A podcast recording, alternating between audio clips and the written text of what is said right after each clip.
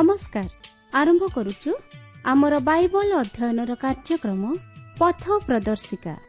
ପବିତ୍ର ବାଇବଲ କହେ ତୁମ୍ଭେ ସର୍ବାନ୍ତକରଣ ସହିତ ସଦାପ୍ରଭୁଙ୍କଠାରେ ବିଶ୍ୱାସ କର ଓ ନିଜ ସୁବିବେଚନାରେ ଆଉଜି ପଡ଼ ନାହିଁ। ଆପଣାର ସବୁ ଗତିରେ ତାହାଙ୍କୁ ସ୍ୱୀକାର କର। ତହିଁରେ ସେ ତୁମ୍ଭର ପଥ ସବୁ ସରଳ କରିବେ। ଆସନ୍ତୁ ସେହି ପଥ ପ୍ରଦର୍ଶକଙ୍କର ସନ୍ଧାନ ପାଇବା ନିମନ୍ତେ ଶୁଣିବା ବେତାର କାର୍ଯ୍ୟକ୍ରମ ପଥ ପ୍ରଦର୍ଶିକା।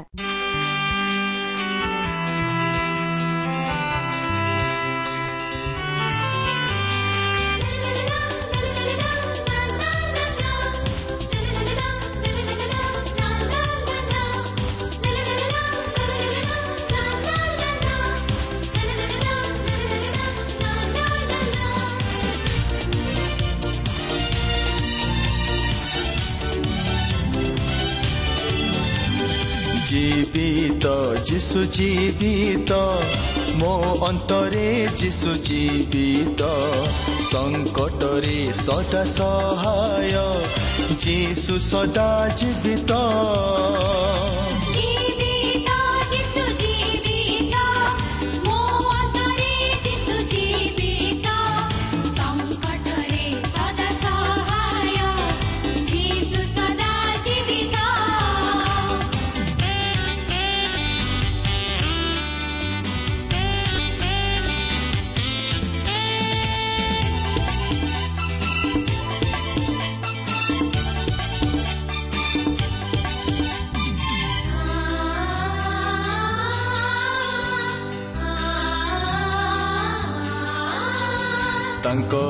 ସାଗର ବିଭକ୍ତ ହେଲା ଚିରିହ ପ୍ରାଚୀର ଭଗ୍ନ ହେଲା।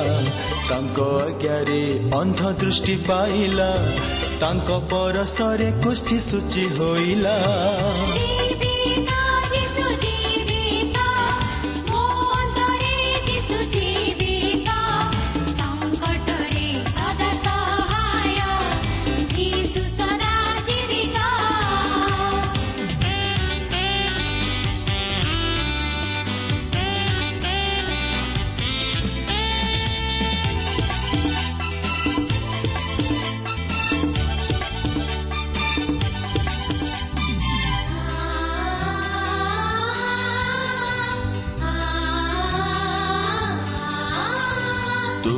ନ ଛାଡ଼ି ପଛେ ଚାଲିବି କହିଛ ମୁଁ ନିତ୍ୟ ସମ୍ଭାଳିବି ମୃତ୍ୟୁ ପରେ ମୋତେ ସ୍ୱର୍ଗରେ ଗ୍ରାହ୍ୟ କର ପ୍ରଭୁ ନିଜ ଗୃହରେ ଜୀବିତ ଯିଶୁ ଜୀବିତ ମୋ ଅନ୍ତରେ ଯିଶୁ ଜୀବିତ ସଙ୍କଟରେ ସଦା ସହାୟ ଯିଶୁ ସଦା ଜୀବିତ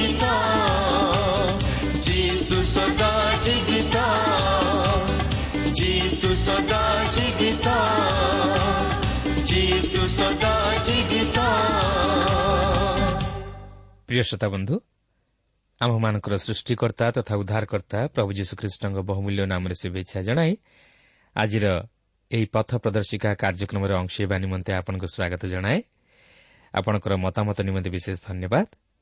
ଆପଣଙ୍କର ପ୍ରାର୍ଥନାର ଅନୁରୋଧ ରକ୍ଷା କରି ଆମେ ମଧ୍ୟ ଆପଣଙ୍କ ନିମନ୍ତେ ପ୍ରାର୍ଥନା କରୁଅଛୁ। କେବଳ ସେତିକି ନୁହେଁ ଆପଣଙ୍କର ପ୍ରଶ୍ନର ଉତ୍ତର ମଧ୍ୟ ଆମେ ଆପଣଙ୍କ ନିକଟକୁ ପଠାଇ ସାରିଛୁ। ତାହା ବୋଧହୁଏ ଆପଣଙ୍କର ହସ୍ତଗତ ହୋଇସାରିଥିବ। ଆଉ ଏଥିସହିତ ମଧ୍ୟ ଏକ ଉପାଦେୟ ପୁସ୍ତକ ପଠାଇଛୁ। ତାହାକୁ ଅଧ୍ୟୟନ କରନ୍ତୁ ଆଉ ତହିଁରୁ କି ଶିକ୍ଷା ଗ୍ରହଣ କଲେ ତାହା ତୁରନ୍ତ ପତ୍ର ମାଧ୍ୟମରେ ଆମ ନିକଟକୁ ଲେଖି ଜଣାଇବା ନିମନ୍ତେ ଅନୁରୋଧ। ଆସନ୍ତୁ ତାହେଲେ ପ୍ରଭୁଙ୍କର ବାକ୍ୟ ମଧ୍ୟକୁ ଯିବା ପୂର୍ବରୁ ପ୍ରାର୍ଥନାର ସହିତ ପ୍ରଭୁଙ୍କ ବାକ୍ୟର ନିକଟବର୍ତ୍ତୀ ହେବା। ଆସନ୍ତୁ ପ୍ରାର୍ଥନା କରିବା। ଆମମାନଙ୍କର ସୃଷ୍ଟିକର୍ତ୍ତା ତଥା ଉଦ୍ଧାରକର୍ତ୍ତା ପ୍ରିୟ ପବିତ୍ର ପ୍ରଭୁ ତୁମର ପବିତ୍ର ନାମର ଧନ୍ୟବାଦ କରୁଅଛୁ ତୁମର ପ୍ରଶଂସା କରୁଅଛୁ ଏହି ସୁନ୍ଦର ସମୟ ପାଇଁ। ତୁମର ଜୀବନ୍ତ ବାକ୍ୟ ପାଇଁ। ପ୍ରଭୁ ତୁମର ବାକ୍ୟ ହିଁ ଆମମାନଙ୍କ ଜୀବନ ନିମନ୍ତେ ସାନ୍ତ୍ୱନାଦାୟକ ଶାନ୍ତିଦାୟକ ଶକ୍ତିଦାୟକ ଭରସାଦାୟକ ଯେହେତୁ ତୁମର ବାକ୍ୟ ହିଁ ସତ୍ୟ। ହଁ ପ୍ରଭୁ ତୁମର ସେହି ବାକ୍ୟ ଅନୁଯାୟୀ ଜୀବନଯାପନ କରିବା ନିମନ୍ତେ ତୁମେ ଆମମାନଙ୍କୁ ଶକ୍ତି ଦିଅ। ତୁମର ବାକ୍ୟ ମଧ୍ୟ ଦେଇ ଆଜି ମଧ୍ୟ ତୁମେ ଆମମାନଙ୍କ ସହିତ କଥା କୁହ। ତୁମରି ସେହି ଉଦ୍ଧାରର ପଥରେ ଆମମାନଙ୍କୁ କଢ଼ାଇ ନିଅ। ସେ ଅନନ୍ତ ଜୀବନର ଅଧିକାରୀ ହେବା ନିମନ୍ତେ ଆମମାନଙ୍କୁ ପ୍ରତ୍ୟେକଙ୍କୁ ପ୍ରଭୁ ତୁମେ ସାହାଯ୍ୟ କର ଆଶୀର୍ବାଦ କର। ଯୀଶୁଙ୍କ ନାମରେ ମାଗୁଅଛୁ ଆମେନ୍। ଆସନ୍ତୁ ବର୍ତ୍ତମାନ ଆମେ ପ୍ରଭୁଙ୍କର ବାକ୍ୟ ମଧ୍ୟକୁ ଯିବା। ଆଜି ଆମେ ଜୋହନ ଲିଖିତ ସୁଷମାଚାର ପାଞ୍ଚ ପର୍ବର ନଅ ପଦରୁ ଆରମ୍ଭ କରି ଚବିଶ ପଦ ପର୍ଯ୍ୟନ୍ତ ଅଧ୍ୟୟନ କରିବା ନିମନ୍ତେ ଯିବା। ତେବେ ଗତ ପାଠରେ ଆମେ ଦେଖିଥିଲୁ ଯେ ଯୀଶୁ ଜଣେ ଅଠତିରିଶ ବର୍ଷାବଧି ରୋଗୀକୁ ସୁସ୍ଥତା ଦେଇଥିଲେ। କିନ୍ତୁ ଆଜି ଆମେ ଦେଖିବା ଯେ ସେହି ଘଟଣା ନେଇ କି ପ୍ରକାର ପ୍ରତିକ୍ରିୟା ସୃଷ୍ଟି ହେଲା। ଯୀଶୁ ସେହି ଅଠତିରିଶ ବର୍ଷାବଧି ରୋଗଗ୍ରସ୍ତ ଲୋକକୁ ବିଶ୍ରାମବାରରେ ସୁସ୍ଥ କରିବା ଦ୍ୱାରା ଜୁହୁଦୀମାନଙ୍କ ମଧ୍ୟରେ କି ପ୍ରକାର ପ୍ରତିକ୍ରିୟା ଜାତ ହେଲା। ତେବେ ଦେଖନ୍ତୁ ଏହି ପାଞ୍ଚ ପର୍ବର ନଅ ପଦରୁ ତେର ପଦ ମଧ୍ୟରେ ଏହିପରି ଲେଖା ଅଛି ଅତଏବ ଜୁହୁଦୀମାନେ ସୁସ୍ଥ ହୋଇଥିବା ଲୋକକୁ କହିବାକୁ ଲାଗିଲେ ଆଜି ବିଶ୍ରାମବାର ଖଟିଆ ବହି ନେଇଯିବା ତୁମର ବିଧିସଙ୍ଗତ ନୁହେଁ। କିନ୍ତୁ ସେ ସେମାନଙ୍କୁ ଉତ୍ତର ଦେଲା ଯେ ମୋତେ ସୁସ୍ଥ କଲେ ସେ ମୋତେ କହିଲେ ତୁମର ଖଟିଆ ଘେନି ଚାଲ।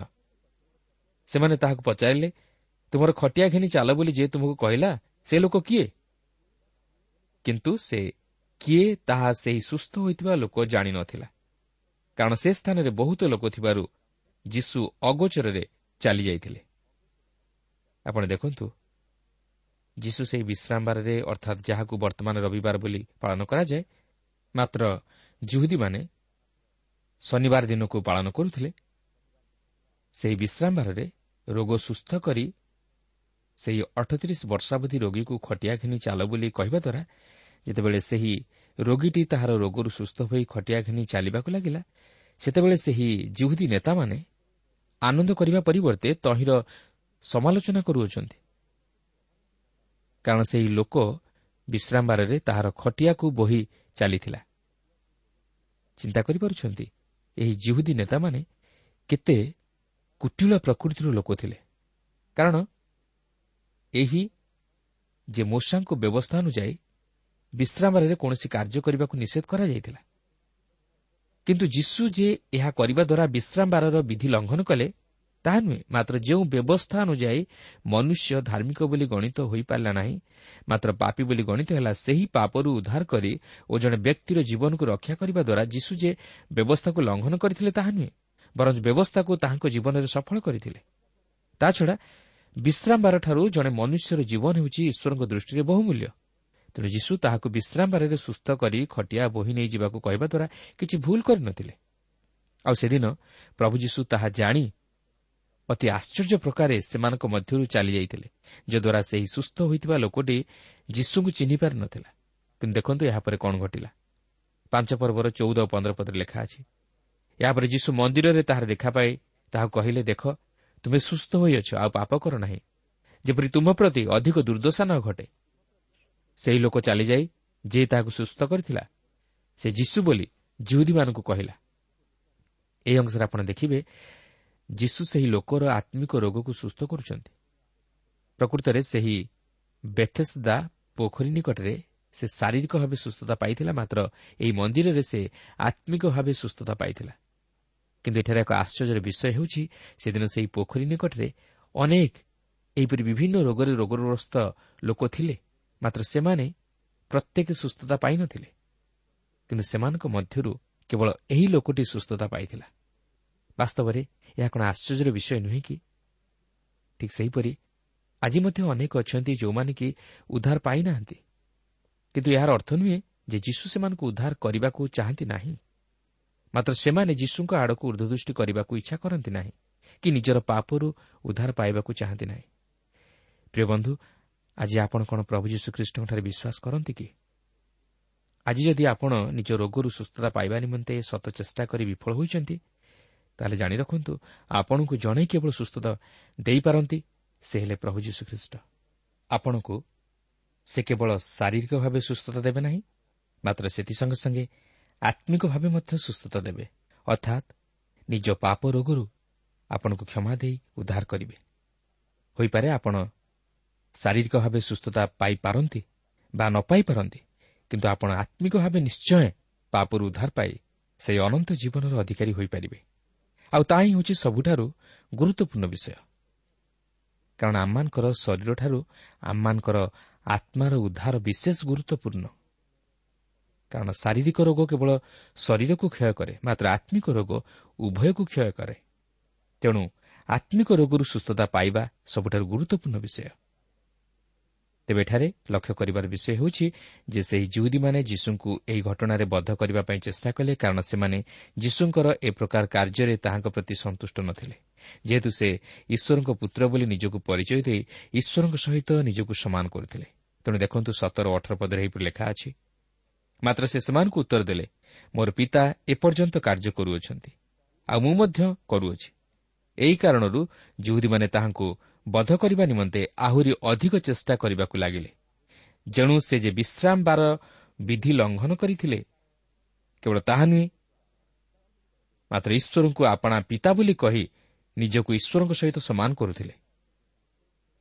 ଏହି ଅଂଶରେ ଆପଣ ଲକ୍ଷ୍ୟ କରିବେ ଯେ ଯେତେବେଳେ ମନୁଷ୍ୟ ପାପର ଗହ୍ୱର ମଧ୍ୟରେ ପଡ଼ିଯାଏ ସେତେବେଳେ ପ୍ରଭୁ ଯୀଶୁଖ୍ରୀଷ୍ଟ ବା ପିତା ଈଶ୍ୱର ବିଶ୍ରାମ ବାରରେ ମଧ୍ୟ ବିଶ୍ରାମ ନେଇପାରନ୍ତି ନାହିଁ।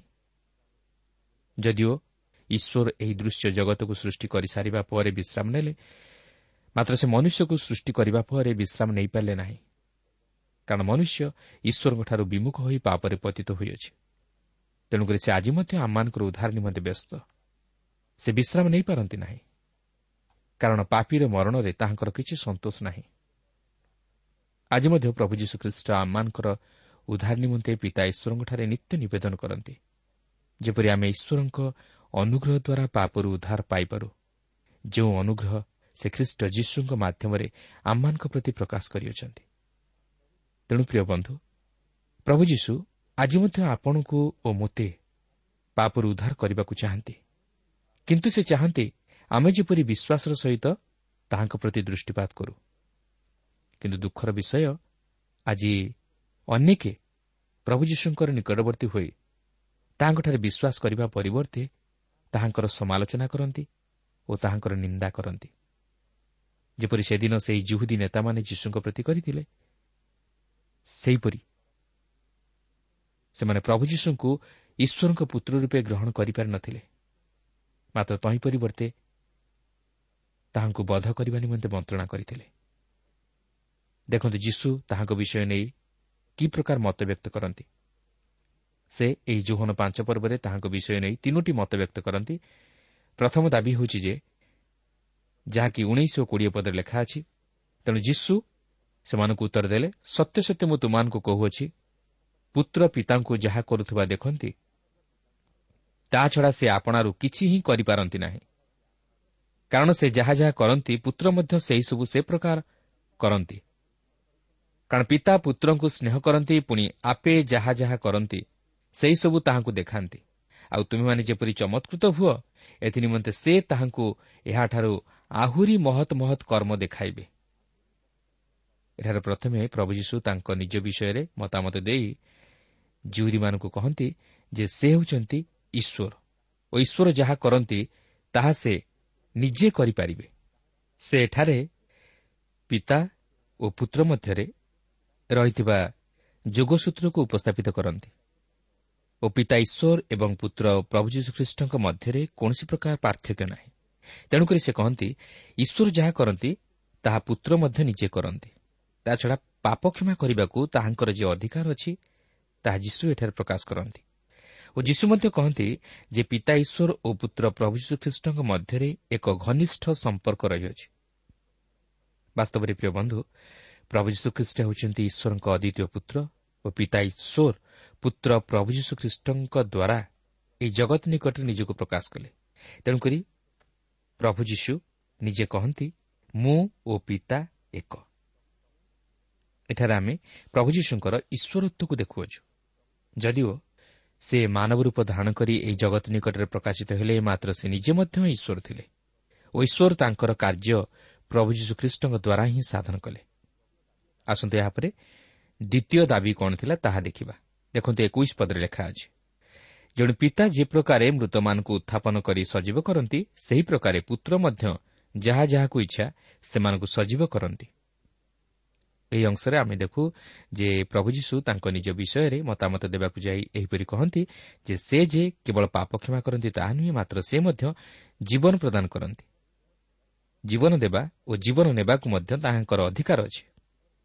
ପିତା ଈଶ୍ୱର ଯେପରି ମୃତମାନଙ୍କୁ ଉତ୍ଥାପନ କରି ସଜୀବ କରନ୍ତି ପୁତ୍ର ପ୍ରଭୁ ଯୀଶୁଖ୍ରୀଷ୍ଟ ମଧ୍ୟ ସେହି ପ୍ରକାର କରିପାରନ୍ତି। କେବଳ ସେତିକି ନୁହେଁ ଆପଣ ଦେଖିବେ ପ୍ରେରିତ ପାଉଲ ଓ ପିତର ମଧ୍ୟ ଯୀଶୁଖ୍ରୀଷ୍ଟଙ୍କ ନାମରେ ମୃତମାନଙ୍କୁ ସଜୀବ କରିଥିଲେ। କାରଣ ପ୍ରଭୁ ଯୀଶୁ ସେମାନଙ୍କୁ ସେହି ଦାନ ଦେଇଥିଲେ। ତେଣୁକରି ଆପଣ ଦେଖନ୍ତୁ ପ୍ରଭୁ ଯୀଶୁଖ୍ରୀଷ୍ଟ ମୃତମାନଙ୍କୁ ମଧ୍ୟ ସଜୀବ କରାଇଥିଲେ ଯେହେତୁ ସେ ଈଶ୍ୱର ଥିଲେ। ପ୍ରିୟ ବନ୍ଧୁ ପ୍ରଭୁ ଯୀଶୁ ଯେ କେବଳ ଆପଣଙ୍କର ପାପ କ୍ଷମାକାରୀ ଈଶ୍ୱର ତାହା ନୁହେଁ ସେ ମଧ୍ୟ ଆପଣଙ୍କର ସୃଷ୍ଟିକର୍ତ୍ତା ତଥା ଜୀବନଦାତା ଈଶ୍ୱର। ସେ କେବଳ କଥାରେ କହିଗଲେ ତାହା ନୁହେଁ ମାତ୍ର କାର୍ଯ୍ୟରେ ମଧ୍ୟ ପ୍ରତିଫଳିତ କଲେ। କିନ୍ତୁ ଆଜି ଆମର କ'ଣ ତାହାଙ୍କ ଉପରେ ଦୃଢ଼ ବିଶ୍ୱାସ ଅଛି କି? ଆଜି କ'ଣ ଆମେ ତାହାଙ୍କୁ କେବଳ ଉଦ୍ଧାରକର୍ତ୍ତା ରୂପେ ନୁହେଁ ମାତ୍ର ସୃଷ୍ଟିକର୍ତ୍ତା ତଥା ଈଶ୍ୱରଙ୍କ ପୁତ୍ର ରୂପେ ହୃଦୟରେ ଗ୍ରହଣ କରିପାରିଛୁ କି? ଆସନ୍ତୁ ଏହାପରେ ତୃତୀୟ ଦାବିଟିକୁ ଦେଖିବା ଯାହାକି ପାଞ୍ଚ ପର୍ବର ବାଇଶ ପଦରେ ଲେଖା ଅଛି। ପୁଣି ପିତା ମଧ୍ୟ କାହାରି ବିଚାର କରନ୍ତି ନାହିଁ ମାତ୍ର ସମସ୍ତେ ପିତାଙ୍କୁ ଯେଉଁ ପ୍ରକାରେ ସମାଦର କରନ୍ତି ସେହି ପ୍ରକାରେ ପୁତ୍ରଙ୍କୁ ମଧ୍ୟ ଯେପରି ସମାଦର କରିବେ ସେଥିନିମନ୍ତେ ପୁତ୍ରଙ୍କୁ ସମସ୍ତ ବିଚାର କରିବାର ଅଧିକାର ଦେଇଅଛନ୍ତି ଏହି ଅଂଶରେ ଆପଣ ଦେଖନ୍ତୁ ପ୍ରଭୁ ଯୀଶୁ ତାଙ୍କର ନିଜ ବିଷୟରେ ମତାମତ ଦେଇ ଏହିପରି କହନ୍ତି ଯେ ସେ ମଧ୍ୟ ଜଣେ ବିଚାରକର୍ତ୍ତା। ସେ ଏହି ଜଗତର ବିଚାର କରିବେ। ଯଦିଓ ସେ ତାହାଙ୍କର ପ୍ରଥମ ଆଗମନରେ ଜଣେ ବିଚାରକର୍ତ୍ତା ରୂପେ ଆଗମନ କରିନଥିଲେ ମାତ୍ର ସେ ଯେତେବେଳେ ପୁନର୍ବାର ଏହି ଜଗତକୁ ଆଗମନ କରିବେ ସେତେବେଳେ ସେ ଏକ ବିଚାରକ ରୂପେ ଆଗମନ କରିବେ। ଆପଣ ଦେଖନ୍ତୁ ପ୍ରଭୁ ଯୀଶୁ ଯେ କେବଳ ଈଶ୍ୱର ଯାହା କରନ୍ତି ତାହା ସବୁ କରୁଥିଲେ ତାହା ନୁହେଁ କିମ୍ବା ସେ ଯେ ମୃତମାନଙ୍କୁ ସଜୀବ କରାଉଥିଲେ ତାହା ନୁହେଁ ତହିଁ ସଙ୍ଗେ ସଙ୍ଗେ ସେ ମଧ୍ୟ ଜଣେ ବିଚାରକର୍ତ୍ତା। ଆଉ ସେ ବିଚାରକର୍ତ୍ତା ରୂପେ ଏହି ଜଗତରେ ବିଚାର କରିବାକୁ ଯାଉଅଛନ୍ତି। ଉଦ୍ଧାର ପାଇଥିବା ବ୍ୟକ୍ତି ଓ ଉଦ୍ଧାର ପାଇନଥିବା ବ୍ୟକ୍ତି ପ୍ରତ୍ୟେକ ତାହାଙ୍କ ନିକଟରେ ଉପସ୍ଥିତ ହେବାକୁ ଯାଉଅଛନ୍ତି। ବିଶ୍ୱାସୀମାନେ ତାହାଙ୍କ ସମ୍ମୁଖରେ ବିଚାରିତ ହେବା ନିମନ୍ତେ ଉପସ୍ଥିତ ହେବାକୁ ଯାଉଅଛନ୍ତି ଓ ସେମାନେ ସେହି ପୁରସ୍କାର ପ୍ରାପ୍ତ ହେବାକୁ ଯାଉଅଛନ୍ତି ଯାହାକି ଦ୍ୱିତୀୟ କରନ୍ଥୀୟ ପାଞ୍ଚ ପର୍ବର ଦଶ ପଦରେ ଲେଖା ଅଛି ଓ ସେହି ପାପି ତଥା ଅଧାର୍ମିକମାନେ ମଧ୍ୟ ସେହି ବୃହତ୍ ଶ୍ୱେତବର୍ଣ୍ଣ ସିଂହାସନ ନିକଟରେ ପ୍ରଭୁ ଯୀଶୁଙ୍କ ସମ୍ମୁଖରେ ଉପସ୍ଥିତ ହୋଇ ବିଚାରିତ ହେବାକୁ ଯାଉଅଛନ୍ତି ଯାହାକି ପ୍ରକାଶିତ ବାକ୍ୟ କୋଡ଼ିଏ ପର୍ବର ଏଗାର ପଦରେ ଲେଖା ଅଛି। କିନ୍ତୁ ଏଠାରେ ଆମେ ଦେଖୁଛୁ ଯେ ପ୍ରଭୁ ଯୀଶୁ ଧାର୍ମିକ ଓ ଅଧାର୍ମିକମାନଙ୍କର ବିଚାର କରିବାକୁ ଯାଉଅଛନ୍ତି। ମାତ୍ର ଧାର୍ମିକମାନଙ୍କୁ ପୁରସ୍କାର ଦେବା ନିମନ୍ତେ ଓ ଅଧାର୍ମିକମାନଙ୍କୁ ଅନନ୍ତ ଅଗ୍ନି ଅର୍ଥାତ୍ ନରକରେ ନିକ୍ଷିପ୍ତ କରିବାକୁ ଯାଉଅଛନ୍ତି। ପ୍ରିୟ ବନ୍ଧୁ ମନେ ରଖନ୍ତୁ ପ୍ରଭୁ ଯୀଶୁଖ୍ରୀଷ୍ଟ ଯଦିଓ ପ୍ରଥମ ଥର ବିଚାରକ ରୂପେ ଏହି ଜଗତକୁ ଆଗମନ କରି ନ ଥିଲେ ମାତ୍ର ସେ ଦ୍ୱିତୀୟ ଥର ଏହି ଜଗତର ବିଚାର କରିବାକୁ ଆସୁଅଛନ୍ତି। କିନ୍ତୁ ଆପଣଙ୍କର ସ୍ଥାନ କେଉଁଠି ଥିବ? ଆପଣ କ'ଣ ସେହି ପୁରସ୍କାରର ଅଧିକାରୀ ହୋଇ ଅନନ୍ତ ରାଜ୍ୟରେ ପ୍ରବେଶ କରି ତହିଁରେ ବାସ କରିବେ? ନା ଅଧାର୍ମିକ ତଥା ପାପୀମାନଙ୍କ ସହିତ ବିଚାରିତ ହୋଇ ସେହି ଅନନ୍ତ ନରକ ମଧ୍ୟକୁ ଯିବେ? ତେବେ ତାହା ଚିନ୍ତା କରି ସେହି ଦୁଇଟି ପଥ ମଧ୍ୟରୁ ଆପଣ କେଉଁ ପଥର ଯାତ୍ରୀ ହେବା ପାଇଁ ଚାହାନ୍ତି ତାହା ଆଜି ହିଁ ସ୍ଥିର କରନ୍ତୁ ଓ ତଦନୁଯାୟୀ ଜୀବନଯାପନ କରନ୍ତୁ। ତାହେଲେ ଆପଣ ପ୍ରଭୁ ଯୀଶୁଙ୍କର ଆଗମନ ସମୟରେ ତାହାଙ୍କଠାରୁ ପୁରସ୍କାର ପ୍ରାପ୍ତ ହୋଇ ସେହି ଅନନ୍ତ ରାଜ୍ୟରେ ପ୍ରବେଶ କରି ଅନନ୍ତକାଳ ସ୍ୱର୍ଗୀୟ ସୁଖ ଓ ଶାନ୍ତିକୁ ଉପଭୋଗ କରିବେ। ନଚେତ୍ ଆପଣ ସେହି ଅନନ୍ତ ନରକ ମଧ୍ୟରେ ଅନନ୍ତକାଳ ପର୍ଯ୍ୟନ୍ତ ନରକ ଯନ୍ତ୍ରଣା ହିଁ ଭୋଗ କରିବେ। ଏହାପରେ ତେଇଶ ପଦରେ ଯୀଶୁ ପିତାଙ୍କ ସହିତ ତାହାଙ୍କ ସମ୍ପର୍କକୁ ପ୍ରକାଶ କରିବାକୁ ଯାଇ ଏହିପରି କହନ୍ତି ଯେ ପୁତ୍ରଙ୍କୁ ସମାଦର କରେ ନାହିଁ ସେ ତାହାଙ୍କର ପ୍ରେରଣକର୍ତ୍ତା ପିତାଙ୍କୁ ମଧ୍ୟ ସମାଦର କରେ ନାହିଁ। ଅର୍ଥାତ୍ ଏଥିରୁ ଜଣାଯାଏ ଯେ ଯେ ପୁତ୍ରଙ୍କୁ ସମାଦର କରେ ସେ ତାହାଙ୍କର ପ୍ରେରଣକର୍ତ୍ତା ପିତାଙ୍କୁ ମଧ୍ୟ ସମାଦର କରେ। ଓ ଯେ ତାଙ୍କର ପ୍ରେରଣକର୍ତ୍ତା ପିତାଙ୍କୁ ସମାଦର କରେ ସେ ତାହାଙ୍କ ପୁତ୍ରଙ୍କୁ ମଧ୍ୟ ସମାଦର କରେ। ତେଣୁକରି ଚବିଶ ପଦରେ ସେ କହନ୍ତି ସତ୍ୟ ସତ୍ୟ ମୁଁ ତୁମମାନଙ୍କୁ କହୁଅଛି। ଯେ ମୋହର ବାକ୍ୟ ଶୁଣି ମୋହର ପ୍ରେରଣକର୍ତ୍ତାଙ୍କୁ ବିଶ୍ୱାସ କରେ ସେ ଅନନ୍ତ ଜୀବନ ପ୍ରାପ୍ତ ହୋଇଅଛି। ପୁଣି ସେ ବିଚାରିତ ନ ହୋଇ ବରଂ ମୃତ୍ୟୁକୁ ଅତିକ୍ରମ କରି ଜୀବନରେ ପ୍ରବେଶ କରିଅଛି। ତେବେ ଏହାର ଅର୍ଥ ନୁହେଁ ଯେ ଆମେ ଏଠାରେ ଯୀଶୁଙ୍କୁ ବାଦ୍ ଦେଇଦେବା ମାତ୍ର ଏହି ଉକ୍ତିଟି ଯୀଶୁ ସେହି ତିନୋଟି ଦାବି ଉପରେ ଭିତ୍ତି କରି ପ୍ରକାଶ କରନ୍ତି। ତେଣୁ ଆମେ ଏହି ଉକ୍ତିଟିକୁ ଯୀଶୁଙ୍କର ଏହି ତିନୋଟି ଦାବି ଉପରେ ଭିତ୍ତି କରି ଆଲୋଚନା କରିବାକୁ ହେବ ଓ ତାହାକୁ ଆମ ଜୀବନରେ କାର୍ଯ୍ୟକାରୀ କରିବାକୁ ହେବ। କାରଣ ସେ ନିଜେ ଏହି ବାକ୍ୟ ପ୍ରକାଶ କରନ୍ତି ଓ ସେ ନିଜେ ମଧ୍ୟ ଈଶ୍ୱରଙ୍କ ସହିତ ନିଜକୁ ସମାନ କରନ୍ତି ଓ ସେ ଏହି ତିନୋଟି ଦାବିକୁ ଭିତ୍ତି କରି ଯୀଶୁ ଏହି ଉକ୍ତିଟି ପ୍ରକାଶ କରନ୍ତି। ଉଣେଇଶ ପଦରେ ଆମେ ଦେଖୁ ଯେ ଯୀଶୁ ନିଜେ ସେହି ଈଶ୍ୱର। ଏକୋଇଶ ପଦରେ ଦେଖୁ ଯେ ସେ ମୃତକୁ ଜୀବନ ଦିଅନ୍ତି ଓ ବାଇଶ ପଦରେ ଆମେ ଦେଖୁ ଯେ ସେ ନିଜେ ସେହି ବିଚାରକର୍ତ୍ତା ଯିଏକି ଏହି ଜଗତରେ ବିଚାର କରିବାକୁ ଦ୍ୱିତୀୟ ଥର ଆଗମନ କରିବାକୁ ଯାଉଅଛନ୍ତି। ବାସ୍ତବରେ ସେ ତାଙ୍କର ବାକ୍ୟରେ ଯାହା ପ୍ରକାଶ କରନ୍ତି ତାହା ଅତି ଚମତ୍କାର ବାକ୍ୟ। ପ୍ରକୃତରେ ଯେଉଁମାନେ ତାହାଙ୍କର ବାକ୍ୟ ଶୁଣି ତାହାଙ୍କଠାରେ ବିଶ୍ୱାସ କରନ୍ତି ସେମାନେ ଈଶ୍ୱରଙ୍କଠାରେ ମଧ୍ୟ ବିଶ୍ୱାସ କରନ୍ତି ଓ ସେମାନେ ମୃତ୍ୟୁକୁ ଅତିକ୍ରମ କରି ଅନନ୍ତ ଜୀବନରେ ପ୍ରବେଶ କରନ୍ତି। କାରଣ ପ୍ରଭୁ ଯୀଶୁଖ୍ରୀଷ୍ଟ ନିଜେ ସେହି ବାକ୍ୟ ଥିଲେ ଓ ସେ ଈଶ୍ୱରଙ୍କ ସହିତ ଥିଲେ ଓ ସେ ମଧ୍ୟ ଈଶ୍ୱର ଥିଲେ। ତେଣୁ ସେ କହିବାକୁ ଚାହାନ୍ତି ଯେଉଁମାନେ ତାହାଙ୍କ ମାଧ୍ୟମରେ ପିତା ଈଶ୍ୱରଙ୍କର ନିକଟବର୍ତ୍ତୀ ହୁଅନ୍ତି ଓ ତାହାଙ୍କର ବାକ୍ୟ ଅନୁଯାୟୀ ପିତା ଈଶ୍ୱରଙ୍କଠାରେ ବିଶ୍ୱାସ କରନ୍ତି ଅର୍ଥାତ୍ ତାହାଙ୍କଠାରେ ବିଶ୍ୱାସ କରନ୍ତି ସେମାନେ ବିଚାରିତ ନ ହୋଇ ବରଂ ମୃତ୍ୟୁକୁ ଅତିକ୍ରମ କରି ଅନନ୍ତ ଜୀବନରେ ପ୍ରବେଶ କରନ୍ତି। ତେବେ ଯୀଶୁ ସେହି ଜିହୁଦୀ ନେତାମାନଙ୍କୁ ଏହିପରି କହିବାର କାରଣ ହେଉଛି ଯେ ସେମାନେ ପ୍ରକୃତରେ ଈଶ୍ୱରଙ୍କଠାରେ ବିଶ୍ୱାସ କରୁନଥିଲେ। ଯଦି ସେମାନେ ଈଶ୍ୱରଙ୍କଠାରେ ବିଶ୍ୱାସ କରିଥାନ୍ତେ ତାହେଲେ ସେମାନେ ତାହାଙ୍କର ପ୍ରେରଣକର୍ତ୍ତା ପୁତ୍ରଙ୍କଠାରେ ମଧ୍ୟ ବିଶ୍ୱାସ କରିଥାନ୍ତେ ଓ ତାହାଙ୍କର ବାକ୍ୟକୁ ଗ୍ରହଣ କରିଥାନ୍ତେ। କିନ୍ତୁ କଥା ହେଉଛି ସେମାନେ ବାସ୍ତବରେ ଈଶ୍ୱରଙ୍କଠାରେ ବିଶ୍ୱାସ କରୁନଥିଲେ। ତେଣୁ ଯୀଶୁ ସେମାନଙ୍କୁ ପରୋକ୍ଷରେ କହିବାକୁ ଚାହିଁଥିଲେ ଯେ ଯଦି ତୁମେମାନେ ମୋହର ବାକ୍ୟ ଶୁଣି ପିତା ଈଶ୍ୱରଙ୍କୁ ବିଶ୍ୱାସ କରିଥାନ୍ତ ତାହେଲେ ତୁମେମାନେ ମଧ୍ୟ ମୋତେ ଗ୍ରହଣ କରିଥାନ୍ତ। କିନ୍ତୁ ତୁମେମାନେ ପିତା ଈଶ୍ୱରଙ୍କଠାରେ ବିଶ୍ୱାସ କରୁନଥିବାରୁ ମୋଠାରେ ମଧ୍ୟ ବିଶ୍ୱାସ କରିପାରୁନାହ। ମାତ୍ର ଯେଉଁମାନେ ପ୍ରକୃତରେ ମୋହର ବାକ୍ୟ ଶୁଣି ପିତା ଈଶ୍ୱରଙ୍କଠାରେ ବିଶ୍ୱାସ କରନ୍ତି ସେମାନେ ମୋଠାରେ ମଧ୍ୟ ବିଶ୍ୱାସ କରନ୍ତି ଓ ସେମାନେ ବିନଷ୍ଟ ନ ହୋଇ ଅନନ୍ତ ଜୀବନ ପ୍ରାପ୍ତ ହୁଅନ୍ତି। କାରଣ ମୁଁ ଓ ପିତା ଏକ। ଯେ ମୋଠାରେ ବିଶ୍ୱାସ କରେ ସେ ମୋଠାରେ ବିଶ୍ୱାସ କରେ ନାହିଁ ମାତ୍ର ମୋହର ପ୍ରେରଣକର୍ତ୍ତା ପିତାଙ୍କଠାରେ ବିଶ୍ୱାସ କରେ। ଓ ଯିଏ ମୋତେ ଦର୍ଶନ କରେ ସେ ମୋର ପ୍ରେରଣକର୍ତ୍ତା ପିତାଙ୍କୁ ମଧ୍ୟ ଦର୍ଶନ କରେ। ପ୍ରକୃତରେ ପ୍ରିୟ ବନ୍ଧୁ ଆପଣ ପିତା ଈଶ୍ୱରଙ୍କୁ ପୁତ୍ର ପ୍ରଭୁ ଯୀଶୁଖ୍ରୀଷ୍ଟଙ୍କଠାରୁ ଅଲଗା କରିପାରିବେ ନାହିଁ? କି ପୁତ୍ର ପ୍ରଭୁ ଯୀଶୁଖ୍ରୀଷ୍ଟଙ୍କୁ ପିତା ଈଶ୍ୱରଙ୍କଠାରୁ ଅଲଗା କରିପାରିବେ ନାହିଁ? କାରଣ ପିତା ଈଶ୍ୱର ପୁତ୍ର ପ୍ରଭୁ ଯୀଶୁଖ୍ରୀଷ୍ଟଙ୍କ ଦ୍ୱାରା ଏହି ଜଗତ ନିକଟରେ ପ୍ରକାଶିତ ହେଲେ। କାରଣ ଖ୍ରୀଷ୍ଟ ହେଉଛନ୍ତି ଅଦୃଶ୍ୟ ଈଶ୍ୱରଙ୍କର ପ୍ରତିମୂର୍ତ୍ତି।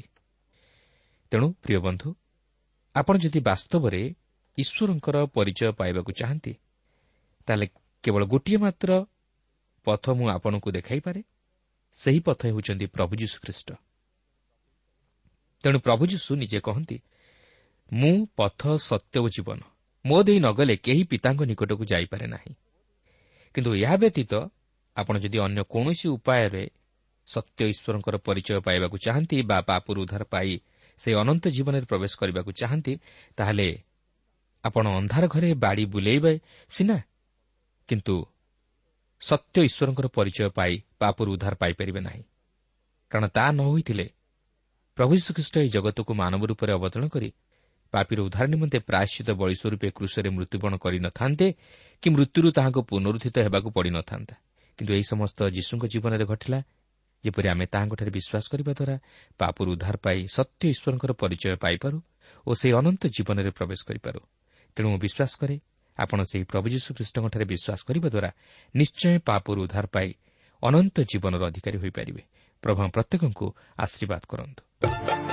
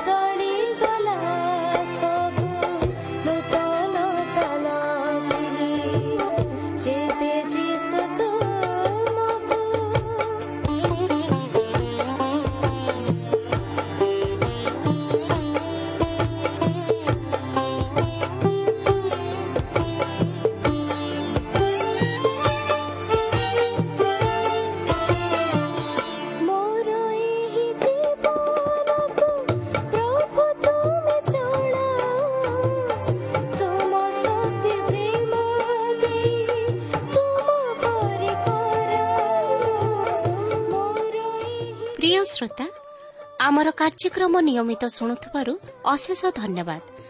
ଆପଣ ଏହି କାର୍ଯ୍ୟକ୍ରମ ଶୁଣିବା ଦ୍ୱାରା ଆତ୍ମିକ ଜୀବନରେ ଉପକୃତ ହୋଇପାରିଥିବେ ବୋଲି ଆମର ବିଶ୍ୱାସ। ପ୍ରଭୁ ଯୀଶୁଙ୍କ ବିଷୟରେ ଅଧିକ ଜାଣିବାର ଆଗ୍ରହ ଥିଲେ ଅଥବା ଉପାଦେୟ ପୁସ୍ତକର ଆବଶ୍ୟକ ଥିଲେ ଆମ ସହ ଯୋଗାଯୋଗ କରନ୍ତୁ। ଆମର ଠିକଣା ପଥ ପ୍ରଦର୍ଶିକା Trans World Radio India post box number ତିନି ତିନି ଭୁବନେଶ୍ୱର ସାତ ପାଞ୍ଚ ଏକ ଶୂନ ଶୂନ ଏକ। Mobile number nine seven double seven double two one four one five ଠିକଣାଟି ଆଉଥରେ ଶୁଣନ୍ତୁ। ପଥ ପ୍ରଦର୍ଶିକା Trans World Radio India post box number three three Bhubaneswar seven five one zero zero one mobile number nine seven double seven double two one four one five ଆମର email ଆଡ୍ରେସ୍ଟି ଲେଖି ରଖନ୍ତୁ Odia TV at radio eight eight two dot com. ତେବେ ଆଜି ପାଇଁ ବିଦାୟ ଦିଅନ୍ତୁ। ନମସ୍କାର।